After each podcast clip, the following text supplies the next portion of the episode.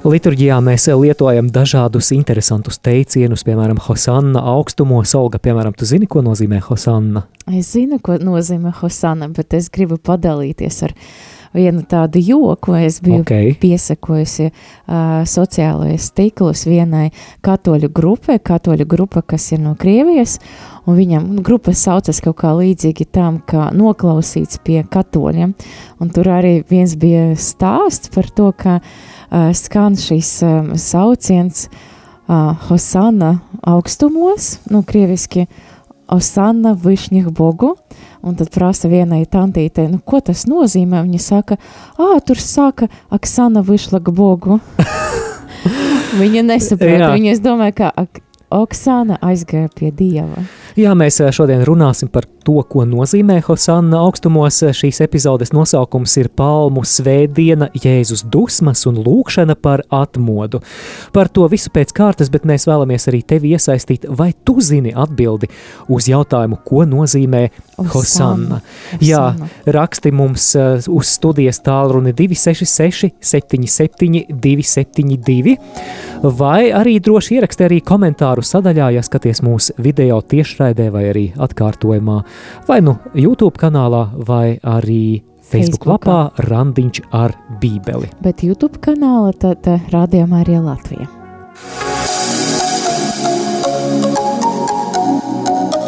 Skan Randiņš ar Bībeli. Dieva tēva un dēla un svētā gara vārdā Āmen. Amen. Dievs, cik tas ir brīnišķīgi, ka mēs varam pulcēties atkal, ka mēs varam lasīt tavu vārdu, ka mēs varam stiprināt viens otru. Kungs, mēs priecāmies un pateicamies par katru brāli, katru māsu, kas šo raidījumu klausās. Mēs ticam, ka tu viņus ļoti, ļoti mīli, ka tu vēlies viņiem skaidrot savu vārdu, un lieto arī, kungs, mūs, tavus necienīgos kalpus, caur Jēzu Kristu mūsu kungu. Āmen. Āmen. Svētais Matei, lūdz, lūdz par, par mums!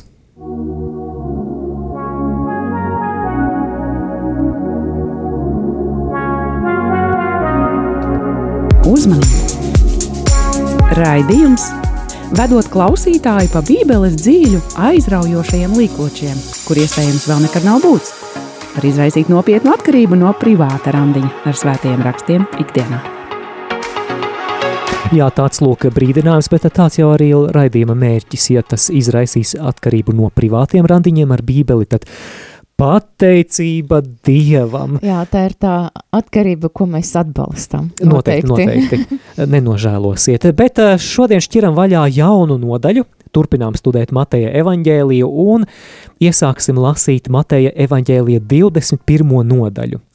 Kā jau piesakot šīs epizodes nosaukumu, Jūs arī dzirdējāt, ka mēs runāsim par palmu svētdienas notikumu, par to, kā Jēzus triumfāli iejāja Jeruzalemē, un otrais stāsts būs par to, kā Jēzus attīra templi.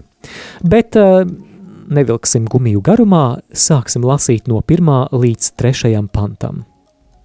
Un kad tie tuvojās Jeruzalemē un nāca pie Betflāgas, pie Eļas kalna, tad Jēzus sūtīja divus mācekļus, viņiem sacīdams: Ejiet uz ciematu, kas jūs priekšā, un tūlīt jūs atradīsiet ezeļu māti piesiet un pie tās kumeļu Atraisiet tos un vediet pie manis, un ja kas tos sacītu, tad sakiet, tam kungam to vajag. Šeit, kā dzirdējām, viss sākas pie eļļas kalna, un vai saukta par olīvu kalnu, tur, kur arī ģecemanas dārs, starp citu, atrodas. Tā nav nejaušība, ka šīs dienas notikums iesākas eļļas kalnā, jo, piemēram, pravieša Zaharija grāmatā vecajā derībā 14. nodaļā no 4. līdz 9. pantam, vēlāk arī varat pārbaudīt, ir teikts, ka kungs nāks no Olīvu kalna, jeb no Eļas kalna, lai aizstāvētu Jeruzalemi.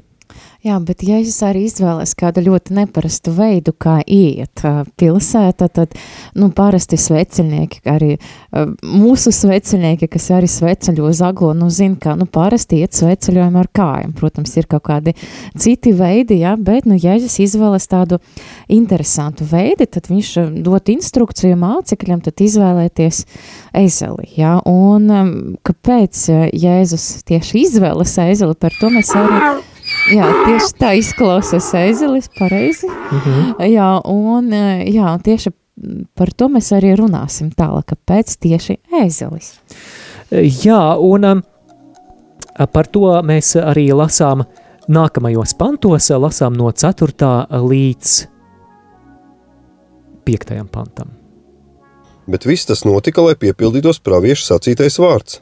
Saka Ciāns meitai, raugi tavs ķēniņš nāk pie tevis, lēnprātīgs un jādams uz ēzeļa, un uz nastu nesējis ēzeļa mātes kumeļa.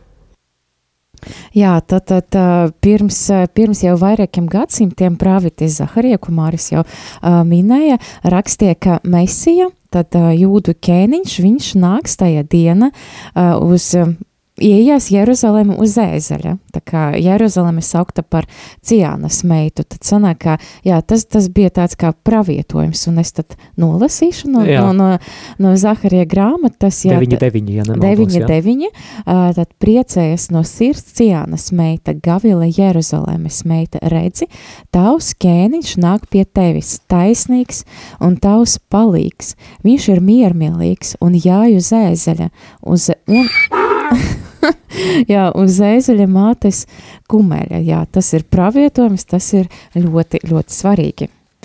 Jā, interesanti, ka šo formulu tas notika tādēļ, lai piepildītos pravieša vārdi, mēs jau vairākas reizes esam sastapuši iepriekš Mateja evaņģēlijā. Bībeles pētnieki to sauc par piepildījuma pravietojumiem. Tātad Matejs nemitīgi kādus Jēzus dzīves notikumus sasaist ar to, kas jau iepriekš bija pasludināts vecajā derībā. Un šis izrādās jau ir 13. piepildījuma pravietojums pie Mateja.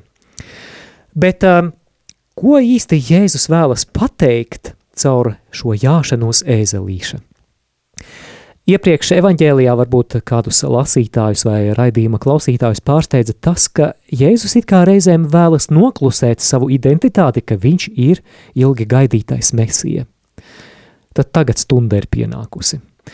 Tagad, iejājot Jeruzalemē uz ēzelīša, viņš pilnīgi bez vārdiem pasludina to, kas viņš ir, ka viņš ir tas, ko gadsimteņiem ilgi Jeruzaleme ir gaidījusi – mesiju ķēniņu.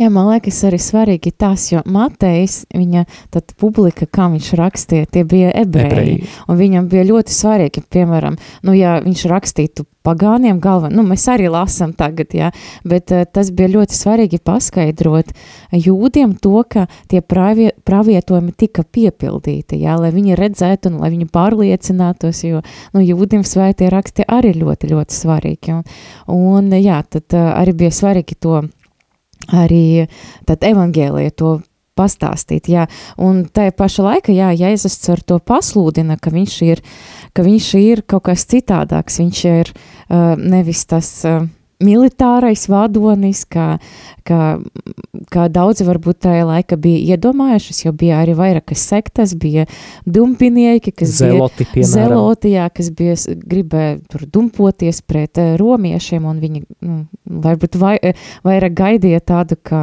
mesiju, tādu kā ķēniņu, kas būs tāds karavadonis, bet Jēzus nāk lēnprātīgi uz ēzeļa, un nevis uz kara zirga, un pazemīgs, un mēs redzam, ka jau Jēzus ienākšana šeit pasaulē bija tāda pazemīga. Viņš Jā. piedzima uh, kūti, viņš uh, viņu guldies silītē un tā tālāk. Un, um, jā, tad Jēzus arī pazemīgi ļoti ienāk Jeruzalēmā ar to pašu arī parāda, ka viņš ir mesija, bet pazemīgs un arī to, ka viņš e, dos, dod mieru, nevis karu. Jā, tad viņš nāk, nāk Jeruzaleme kā miera ķēniņš, un kas arī interesanti, es varu kaut ko pastāstīt. jā, jā, jā, labprāt. Jā, e, es vienreiz arī esmu dzirdējusi kāda jūda liecību e, par to, kā viņš konvertējas kristietība, un kas interesanti, viņš konvertējas kristietība pateicoties ēzelim. Jo Nopietni. viņš zina, zināja wow. šo pravietojumu par to, ka Mēsijam būs jā, jāienāk uh, Jeruzalēma uz ēzeļa, nu, jāiejāj, jā. Un tad viņš sāka pārdomāt, nu, kā tas var būt, ka mūsdienas, nu, jūdi joprojām gaida Mēsiju, ka mūsdienu laika kāds cilvēks mesija var ienākt ar reizeli iejāt. Tas viņam likas nesaprotami, un viņš tā saka, saka domāt par to. Viņš gāja pie rabīne, viņa arī kaut kā nevarēja paskaidrot, viņš teica, nu visdrīzāk viņš ienāks ar kādu mašīnu vai kaut kas tāds viņam skaidroja. Un tas pārdomas viņam lika meklēt, un beigas viņš nonāca kristietību un saprata, ka Jēzus ir mesija, ka viņš jau uz ēzeļa iejājāja. Jā. Tātad eh, Jēzus aicina mācekļus iet viņam pa priekšu, sagatavot ēzelīti, lai Jēzus varētu iejāt Jeruzalemē. Un lasām tālāk, mēs dzirdēsim, ka mācekļi šo Jēzus lūgumu izpilda. Klausāmies 6. un 7. pantu. Un mācekļi nogāja un darīja tā, kā Jēzus to viņam bija pavēlējis. Atveda ēzeļu māti un kumeļu un uzlika tiem savas drēbes – un sēdināja viņu tur virsū. Interesanti, ka uh, Matējam ir divi ēzeļi. Pa, parasti, man liekas, citos evaņģēlijos ir tikai viens. Jā, Matejam, Markam un Lūkam ir viens. Jā, jo Matejam, man liekas, patīk visu reizināt mm -hmm. ar mhm. divi, bet, nu, jā, Māri, bet tu vari paskaidrot, kāpēc divi ēzeļi šeit. Jā, man arī interesēja atbilde, un uh, ir vairāki skaidrojumi. Pirmkārt, uh, Mēs jau, nu pat tu, tu lasīji arī jā, Zaharija jā. pravietojumu 9.9. Tur ir minēts gan ēzelis, gan ēzeļmātes kumeļs. Nu, tur varētu interpretēt dažādi, vai tas ir viens un tas pats, vai tie ir divi dažādi ēzeļi.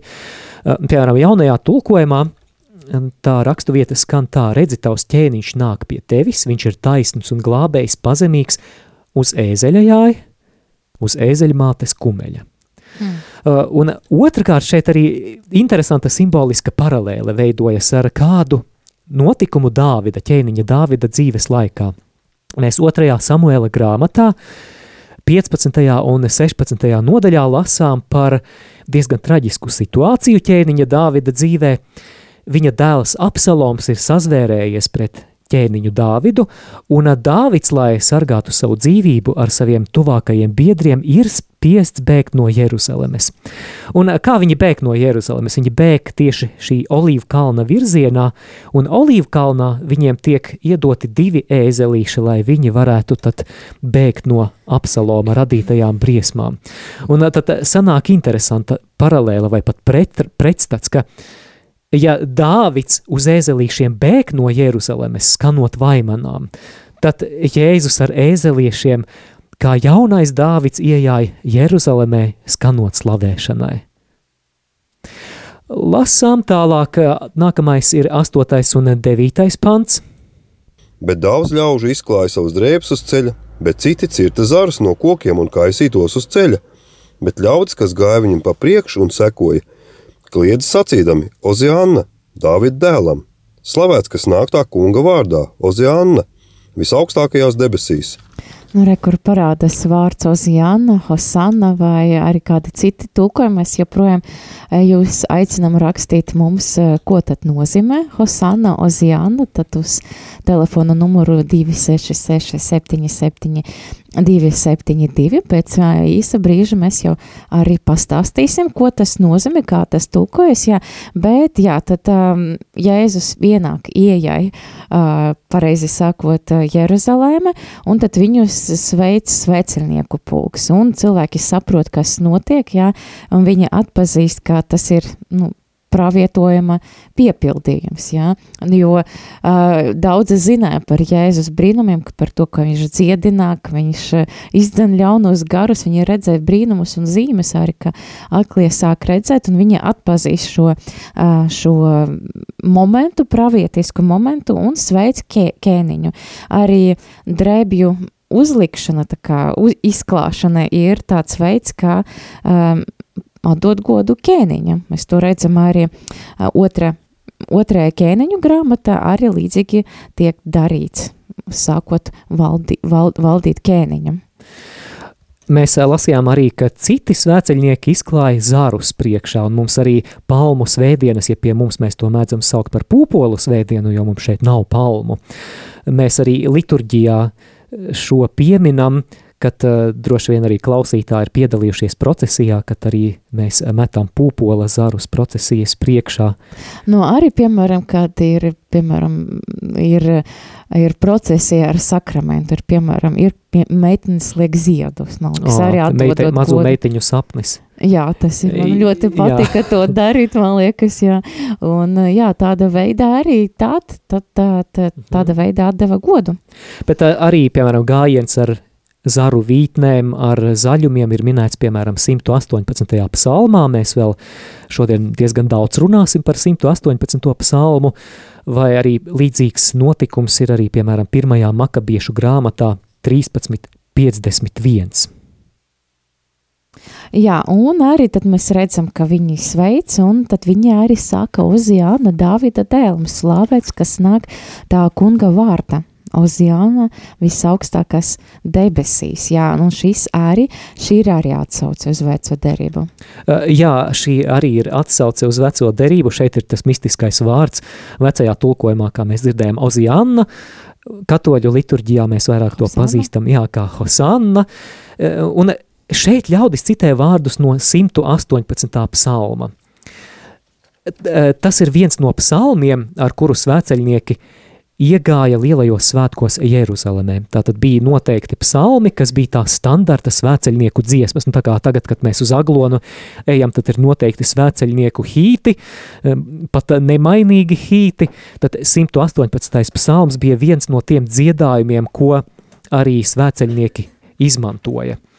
Un te es vēlos atgādināt, ka jūdiem vecās derības laikā bija trīs vissvarīgākie svētki, kuros ik viens dievbijīgs jūds tika aicināts doties uz Jeruzalemi. Un šoreiz Jēzus ar pārējiem svēceļniekiem un ar saviem mācekļiem dodas uz Paskas svinībām. Tā būs īpaša paska. Šīs paskas laikā Jēzus tiks nogalināts un, mēs zinām, trešajā dienā augšām celsies. Tas nozīmē, ka patiesībā visas turpmākās Mateja evaņģēlija nodaļas laika izteiksmē aizņem nepilnu nedēļu, taču šī nedēļa būs ļoti piepildīta notikumiem. Un jā, es skatos, skatos, skatos, skatos. Tā, mums neviens nav uzrakstījis par to, ko varētu būt, ko varētu nozīmēt Hosanna. Nu labi, es pateikšu priekšā. Hosanna, jeb Oziāna, ir mazliet grieķiskots ebreju vārds, kurš tulkojas kā glāb mūs. Un šis teiciens Hosianna vai Hosanna, jeb glāb mūs, tie bija vārdi, ko jūdi izmantoja liturģijā slavējot Dievu. Starp šiem svēceļnieku saucieniem mēs arī dzirdējām vārdus svētīgs, kas nāk kunga vārdā. Arī šis ir citāts no 118. psalma. Svētīgs, kas nāk kunga vārdā, bet tagad šiem vārdiem atklās pilnīgi jauna nozīme. Mēs redzam, ka tieši Jēzus ir tas, kurš nāk kā Dieva pārstāvis, kā Dieva sūtītais. Viņš ir tas, kurš nāk un darbojas Dieva vārdā. Jā, un tad nu šī karaliskā procesija beidzot nonāk Jeruzalemē, bet mēs pēc brīža tad arī izlasīsim, kā tad Jeruzalemes iedzīvotāji uztver Jēzus ienākšanu šādā, šādas procesijas veidā.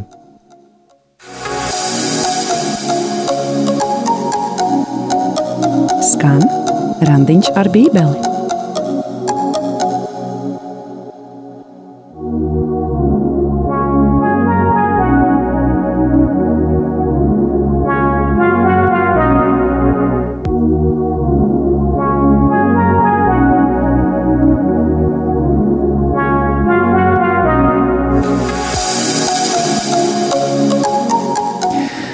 Jā, šī karaliskā procesija ar slavēšanu, ar šo izsaukumu Hosanna, ar drēbju izklāšanu priekšā, gluži kā paklāju veidot, beidzot nonāk Jeruzalemē. Un kā tad reaģē Jeruzalemes iedzīvotāji? Lasām no 10. līdz 11. pantam.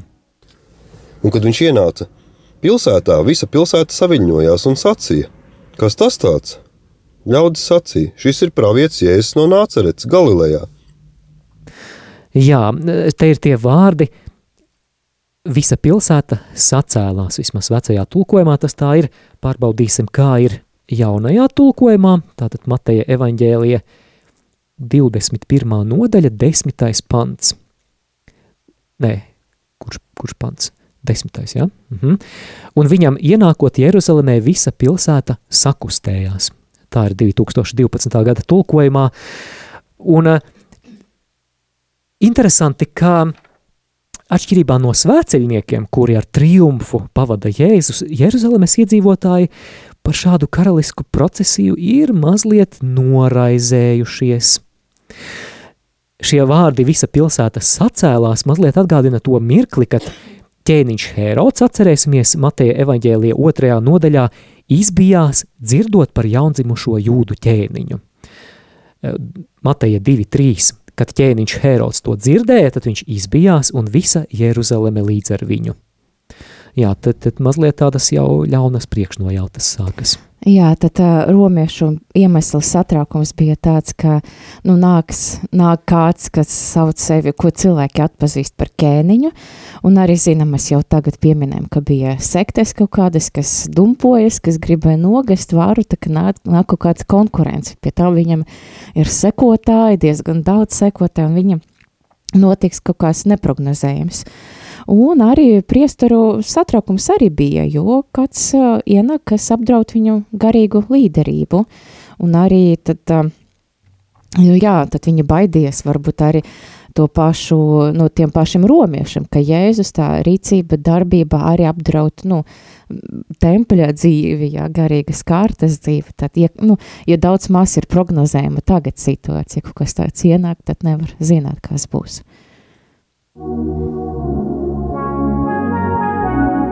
Kā dzirdētais attiecas uz manu dzīvi.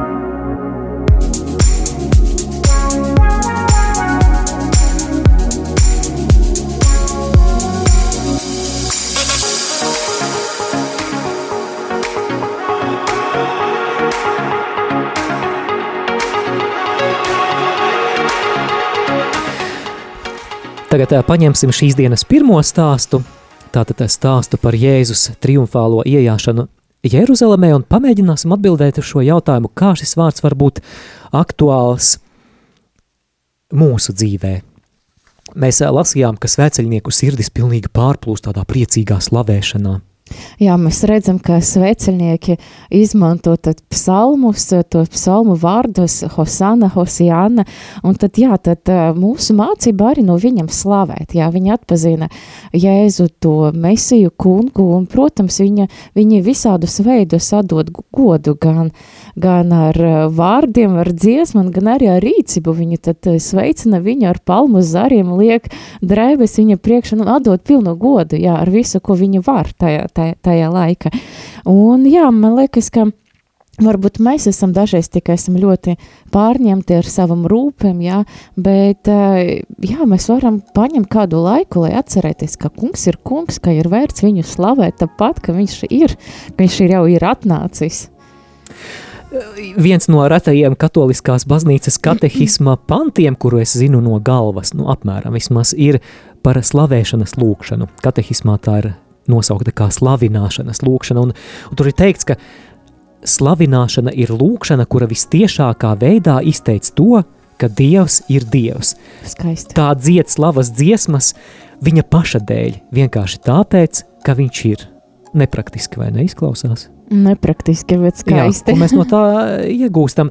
Pirmkārt, mums nav jāiet slavēšanā ar tādu sautīgu aprēķinu, ka es tagad kaut ko iegūšu. Centrā ir Dievs. Patiesībā, slavējot Dievu ar saviem vārdiem, ar dziesmām vai citos kādos veidos, mēs apliecinām to, kas mūsu dzīvē ir galvenais. Kas tad ir mūsu dzīves centrs, kas tad ir visa visuma centrs? Un um, atceros, kāds sludinātājs teica, man arī palika prātā šis teiciens, ka slavētāji vai slavēšanas vadītāji stāv pirmā baušļa goda sardzē. Un pirmais bauslis ir kas? tev nebūs citus dievus turēt līdzās man. Mm.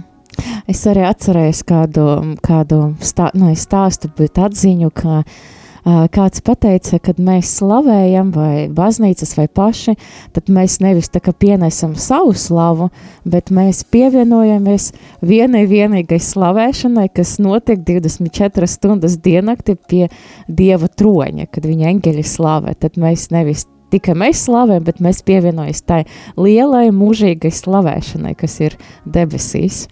Un vēl viens tāds slavēšanas aspekts ir, slavēšana ir garīgas cīņas ierocis. Varbūt tu atceries to precīzu pantu no Bībeles grāmatas, tagad neatceros, ka uh, bija gadījums, ka te vajadzēja doties karā, nu, uh, uzbruka Judēji, uzbruka Izrēlam, un tad ķēniņš uh, sūtīja kā, karavīrus pret uzbrukuma, un priekšā gāja kas? Slavētāji. Jā, slavētāji. slavētāji. Un tas, tas arī parāda to, ka nu, slavēšana ir tāds ļoti milzīgs uh, garīgas cīņas ierocis, un arī Jesai grāmata 61. nodaļa, 3. panta, mēs lasam, kā slavas dziesma, uh, tā kā, kā nu, Dievs maina uh, noskumošu gara vieta, viņš dod slavas dziesmu. Un cita vieta vēl saka, ka slavēšanas drēbes pret noskumušu garu. Tas mm. nozīmē, jā, man liekas, tiem cilvēkiem, varbūt, kas piedzīvo kādas skumjas, depresiju, tad viņi var arī ņemt to vārdu konkrēti, nē, es izvēlušos slavēt Dievu, un tad es zināšu, ka tad skumjas atkāpsies no manis.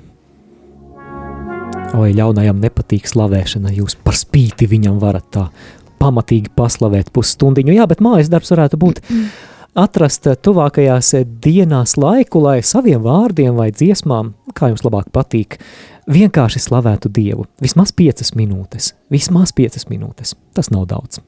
Jā, protams, ka par šo rakstu vietu var vispār runāt daudz, un var praktisku lietu arī ieraudzīt tādu, ka nu, patiesība Jēzu tad slavē un pielūdza tie, kas bija devušies svētceļojumi, nevis vietī iedzīvotāji, kas bija arī interesanti, jā. Mm. Man liekas, un praktisks moments arī, jā, dodieties svētceļojumi, svētceļojumi ir kaut kāda jēga, man liekas, ka attīra sirdi, ir tāds nodomas un, jā, tas ir ļoti interesanti. Ja.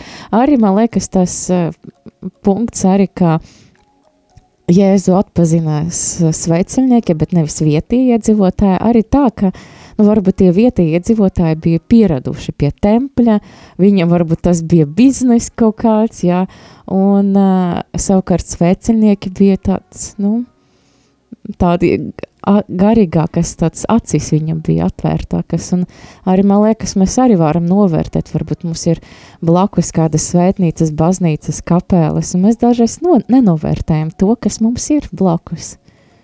Uh, jā. Labi, es aizrunājos, bet man liekas, daudzi, daudzi var paņemt no uh, šīs rakstu vietas, un mēs aicinām uz privātu randiņu. Jā, laiks mūzikas pauzītē, bet uh, Interesanti, mums ir divas īziņas pienākušas, kuras abas ir pilnīgā pretrunā. Mums klausītājiem ir ļoti atšķirīga gaume, piemēram, Jānis raksta aicinu atturēties no neizdevušiem jokiem par dieva lietām, Un savukārt nākamā īsiņa no kāda cita klausītāja paldies liels par rakstu skaidrojumu ar tik jauku humoru. Liek pasmaidīt smagās darba nedēļas beigās, nu re, cilvēkiem gauma atšķirās. Nu jā, bet nu, mēs izvēlamies, kā mēs vēlamies, un Jānis, zini ko, mēs šajā raidījumā Dieva godam turpināsim jokot. Ha, ha, ha.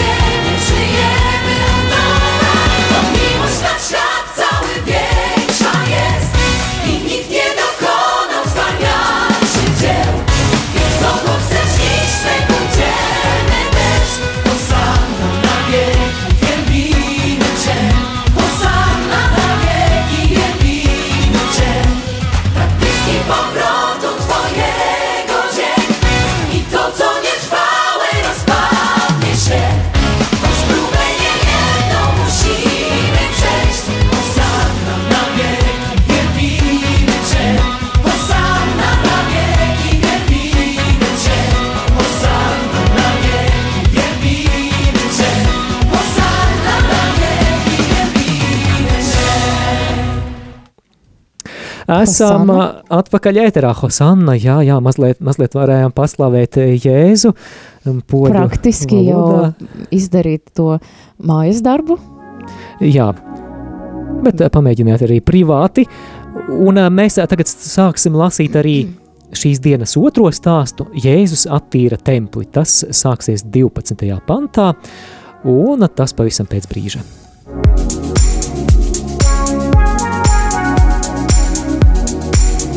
Skan Randiņš ar Bībeli.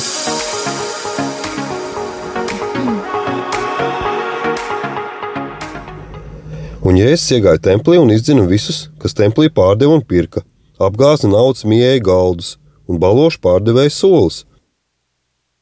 Jā, mēs redzam, ka Jēzus paliek dusmīgs. Viņš ienak templī un jā, tad viņu pārņem tā saucamas tādas svētas dusmas. Jā, jo viņš redz, uh, konteksts ir tāds, ka nu, agrāk dzīvnieki, ko uh, pienesa upuri, tad viņi viņus tirgoja ārpus tempļiem, bet pamazām uh, šis tirgus, dzīvnieku tirgus ienāk templī. Un ne tikai pats dzīvnieku tirgus, bet arī um, naudas mainītāju galdi. Mēs um, zinām, ka ja es apgāzu ga galdus, mainītāju galdus, bet, nu, tie galdi mainītajā galdi bija vajadzīgi, jo par romiešu naudu, kas bija nu, apgrozījuma, nevarēja templi norekināties, jo ir, tas ir okupētas varas nauda, un tāpēc jā. mainīja pret tempļa naudu. Bet bija ar... jāmaksā tempļa nodoklis ikgadējais. Nu jā, jā. Un, un, un līdz ar to, līdz ar to, jā, Jēzus paliek uh, dusmīgs, un jā, Jēzum tas nepatīk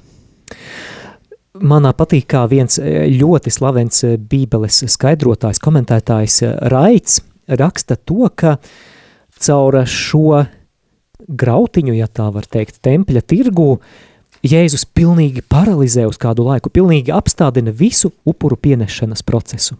Tur nemitīgā konvejerā viss notika, bet ja tagad nevar izmainīt naudu, ja tagad nevar mm. nopirkt dzīvniekus, tad mm. arī kādu laiku nav iespējams pienest upurus. Uh, jūdi ar šausmām domāja par iespējamo potenciālo brīdi, kad uh, tiks templī pārtraukti upuri, piemēram, Daniela grāmatā mēs par to varam lasīt. Jo bija jau vienreiz, tad templis jau bija vienreiz uh, sagrauts, mēs Jā. jau zinām, ka uh, upuru pienešanu 70 gadiem tika, tika pārtraukta, un šis jā. bija otrais templis. Š šis jau ir otrais, jā, otrais templis, un uh, Tas, kas šeit ir noticis templī, tā ir brīdinoša zīme par to, ka arī šis templis ies bojā 70. gadā pēc Kristus.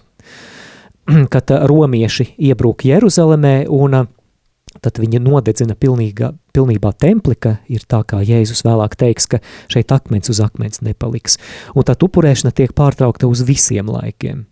Tas ir kaut kas līdzīgs šajā žestā, kā pravietis Jeremija 19. nodaļā, 10. pantā saplēš jūdu augsto priesteru priekšā māla podu, ar, ar to sakot, lūk, kas notiks ar Jeruzalemi tās grēku dēļ. Un tas arī, kā tu minēji, piepildījās 586. gadā, kad babilonieši iebrūk un arī nodedzina Jeruzalemes templi.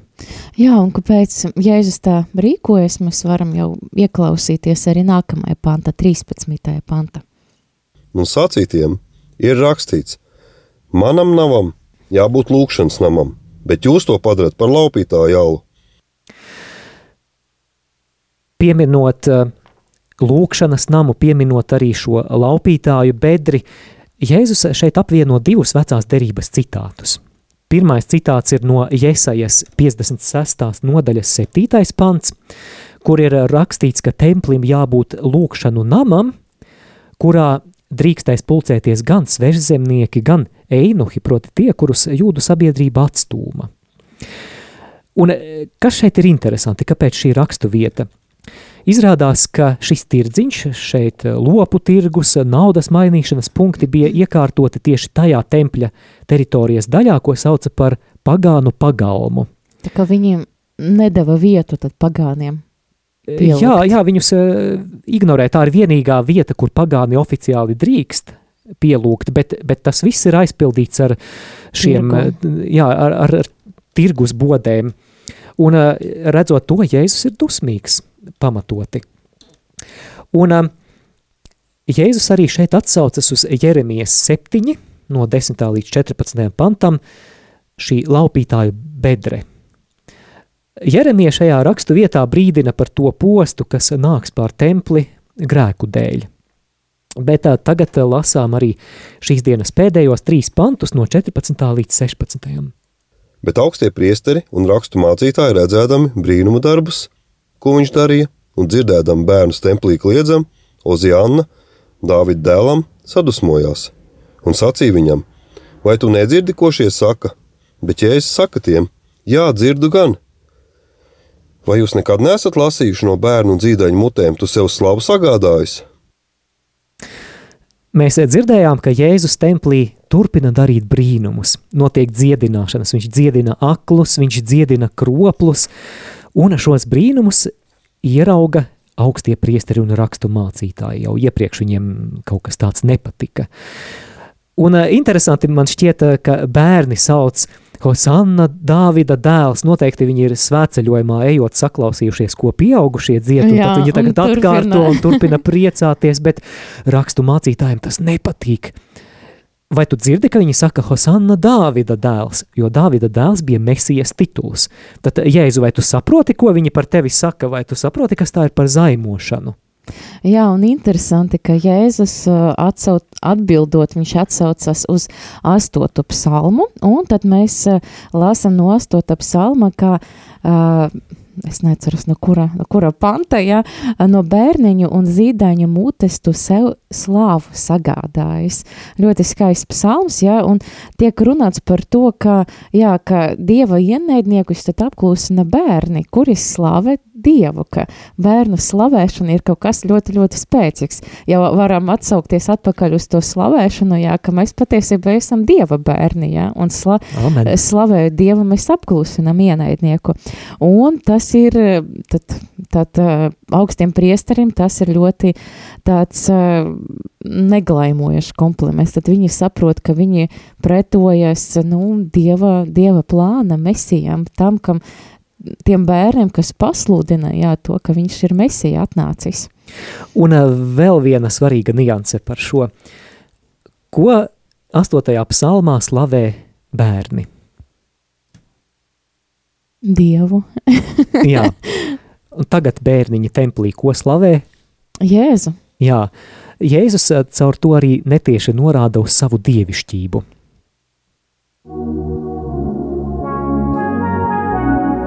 Kā dzirdētais attiecas uz manu dzīvi?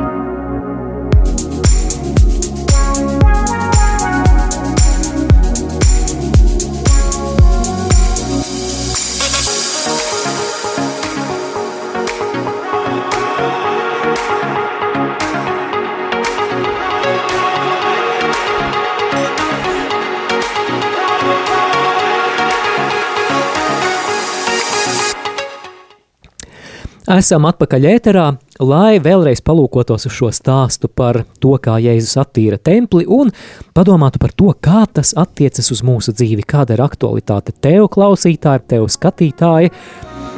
Vai tiek runāts vienkārši par tīrību templī? ne, negluži, bet es domāju, kas, kas ir tā lieta, ko mēs varētu paņemt. Es sākumā tā iedomājos, ka mēs par dusmām varētu parunāt, jo Jēzus šeit dusmojas taisnīgi. Reizēm mums, kristiešiem, ir tā skrupulozā sirdsapziņa, ka uh, ik brīdi, kad mēs esam sadusmojušies, mēs jūtamies par to vainīgi. Bet uh, dusmas ir, ir normālas emocijas, ko var piedzīvot arī ik viens no mums, ik viens kristietis, piemēram, ne, redzot netaisnību, um, redzot uh, kādu ļaunumu. Bet tad es domāju par to, ka ir kāda cita svarīgāka tēma, un tad es tai vēlos arī atvēlēt šīs pēdējās raidījuma minūtes. Un šī tēma ir atmoda baznīcā un Latvijā, garīga atmoda baznīcā un Latvijā. Jēzus eh, šeit ir dusmīgs rakstu vietā par pagrimumu viņa tēva namā, Jeruzalemes templī. Tas ir simbols garīgai krīzei.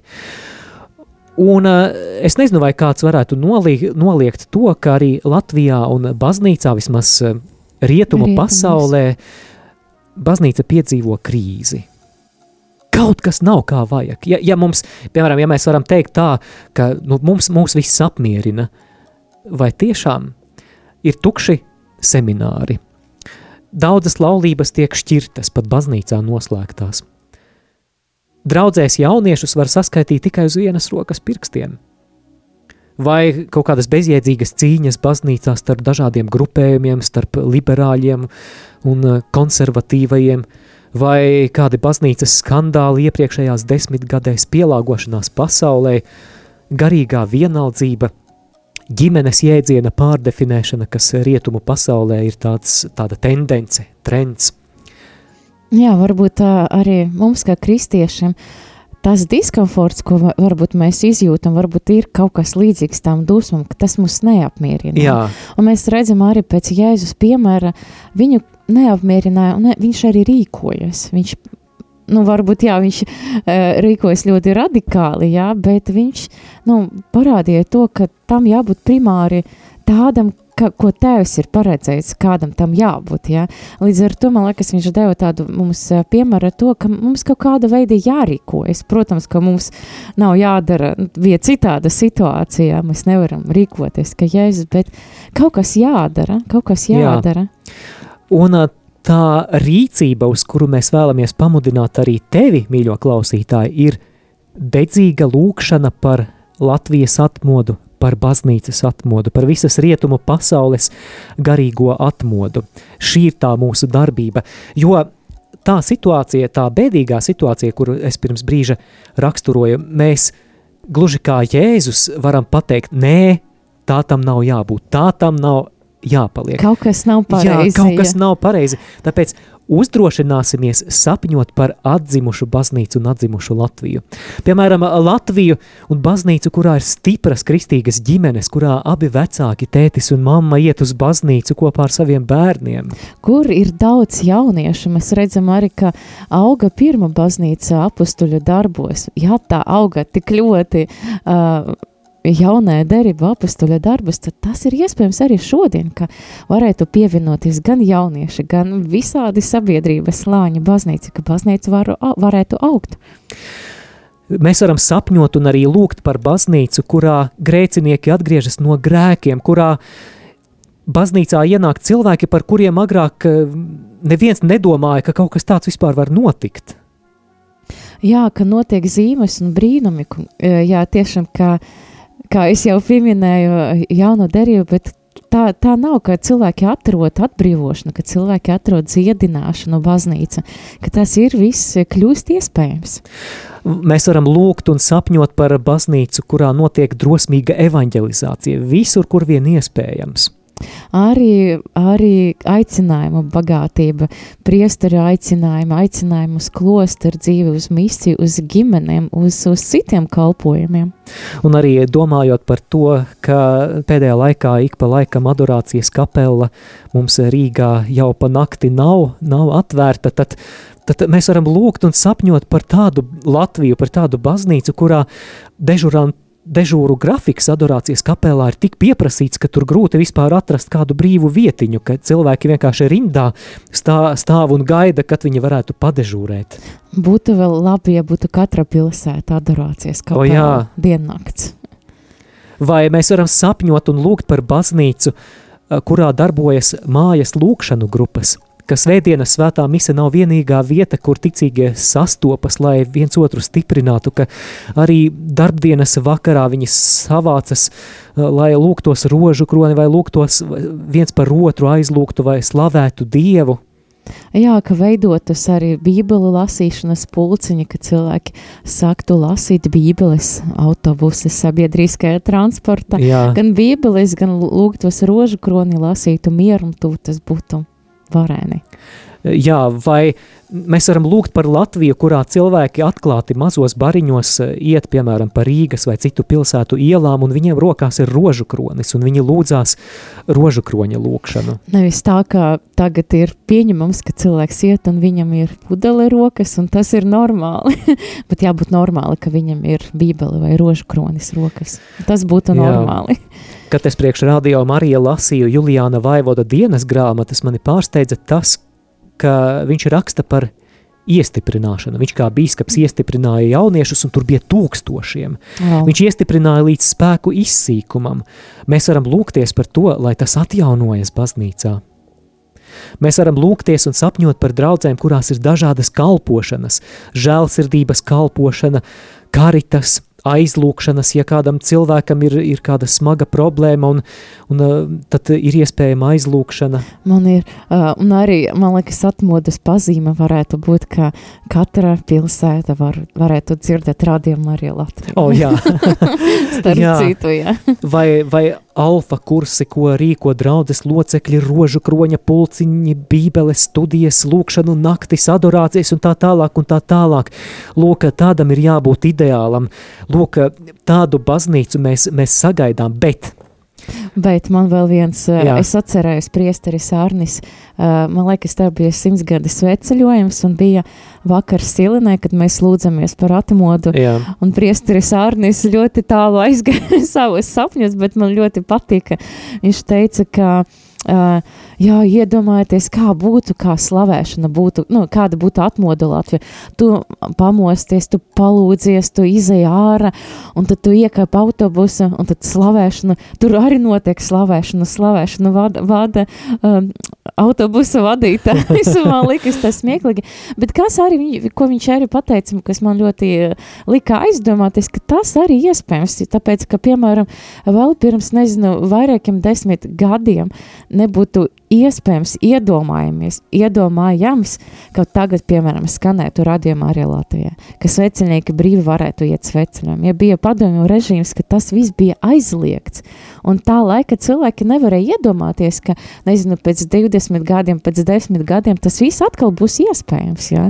Līdz Jā. ar to, kas pagājušam paudzam varbūt lik, likas neiespējams, varbūt mums pašiem pirms kādiem gadiem likas neiespējams, uh, tagad ir tas iespējams, un tas pats varētu būt nākotne. Tas varētu būt iespējams. Jā, bet, bet ne mūsu pūļu rezultāts. Un tāpēc tas, uz ko mēs aicinām tevi, klausītāji, un ko mēs paši arī ar Olgu ikdienā mēdzam darīt, ir nepieciešama dedzīga, neatlaidīga lūkšana šajā nodomā par Latvijas garīgu atmodu, par baznīcas atmodu. Die, dievam patiešām nekas nav neiespie, neiespējams. Jo kaut, kaut kā visā šajā panīkumā mēs neredzam iniciatīvas, ka cilvēki tiktu mobilizēti uz šādu lūkšanu, iedvesmoti. Tāpēc mēs uh, jā, inicijējam, mm -hmm, tāpēc mēs aicinām. Jā, radio Marija platformu, jo vienkārši gaidot, ka kaut kas uzlabosies, nekas nemainīsies. Mainīsies ar lūkšanu un jā. rīcību, kā cilvēki paši lūksies un arī pulcinās uz lūkšanu, tāpēc arī aicinām, ja jums ir tāda iespēja lūgties vienam pašam vai arī aicinot draugus, cilvēkus, draudzi uz uz lūkšanu par Latviju. Latvija tas ir jā, viss, kas mums ir, mūsu zeme, mūsu zeme. Jā, ir jālūdzas. Un eh, šādam sapnim par atmodu, manuprāt, ir jābūt starp visiem Latvijas kristiešiem. Tā, tā ir jābūt tai vīzijai, tam gala mērķim, ka mēs vēlamies šeit eh, tuvoties, tātad visā baznīcā ir jāiestājās šajā lūkšanu cīņā, un tas, ko mēs piedāvājam, padarīja arī to par savu lūkšanas programmu. Lai katru dienu vai vismaz katru nedēļu tu atvēli laiku, lai lūgtos par to, lai baznīca piedzīvo atzimšanu, lai Latvija piedzīvo atzimšanu. Amen. Jā, jo Jēzus caur šo tirgus sagraušanu templī un upuru apstādināšanu, apstādināšanu pravietiski runā par tempļa bojāēju tās sistēmas samaitātības dēļ. Un Un, manuprāt, tas ir svarīgi. Es ticu, ka lūkšana par mūsu zemes atgriešanos un par garīgo atmodu ir arī atslēga uz stiprāku Latviju. Arī te ir loma Latvijas drošības stiprināšanai, arī ņemot vērā visu pašreizējo ģeopolitisko situāciju. Un, protams, arī lūgties par citām zemēm, lai ir atmoda Baltkrievija, Krievija, Ukraina, jo atmoda, atmoda ir kristiešu atbilde lūkšana par atmodu, Dievs nāca, Dievs nāca, un kas ir interesanti arī, es nesen taisīju to raidījumu par Koreju, jā, un es tā raidījumā nepateicu, bet es pēc tam arī nedaudz papētīju informāciju, ka ir kāda draudze, kurai es pateicu, lielāka draudzene pasaulē, pusmiljons. Tagad es izlasīju, atvainojos, ka pateicu nepareizi informāciju, jo tur ir vairāk kā pusmiljons. Tagad oh. ir 800 tūkstoši uh, draugu locekļu tajā draudzē. Nu, jau vairos. Un viņi tie, kas neskatoties uz to, ka no Ziemeļkorejas, es pateicu par Dienvidkoreju, jā, es aizmirsu, ja, ka ir, piemēram, blakus Ziemeļkoreja, pilnīgi cits režims, draudošs režims, bet viņi katru rītu tajā draudze tie, kas piecos no rīta, vairāki tūkstoši cilvēki. Piecos no rīta? Piecos no rīta, un tie, kas, lai lūgtos par atmodu. Wow. Par atmodu Koreju, par to, lai būtu robežas atvērtas, lai Ziemeļkoreja būtu atkal atvērta evangēlijam, lai atmoda būtu ne tikai Koreja, bet arī visa, visa pasaule, par Krieviju, par Ukrainu, par visu lūdzas. Bet man liekas, tas ir ļoti skaisti, varbūt tas ir ļoti radikāli, piecus no rīta lūgties, bet man liekas, mēs katrs varam atrast šo laiku un tiešām padarīt tas lietas eh, par prioritāram lieta mūsu dzīvēm. Jā, tad nu lūksimies, brāļi un māsas, par to, lai Latvija būtu svētā gara uguns piepildīta. Paldies par klausīšanos! Šajā raidījumā kopā ar jums bijām mēs Māris Veliks un Olga Velika. Lai sveitītie jaunā nedēļa un atceries, ka šis raidījums neaizvieto privātus randiņus ar bībeli, gluži kā uztura bagātinātājs neaizstāja pilnvērtīgu un sabalansētu uzturu.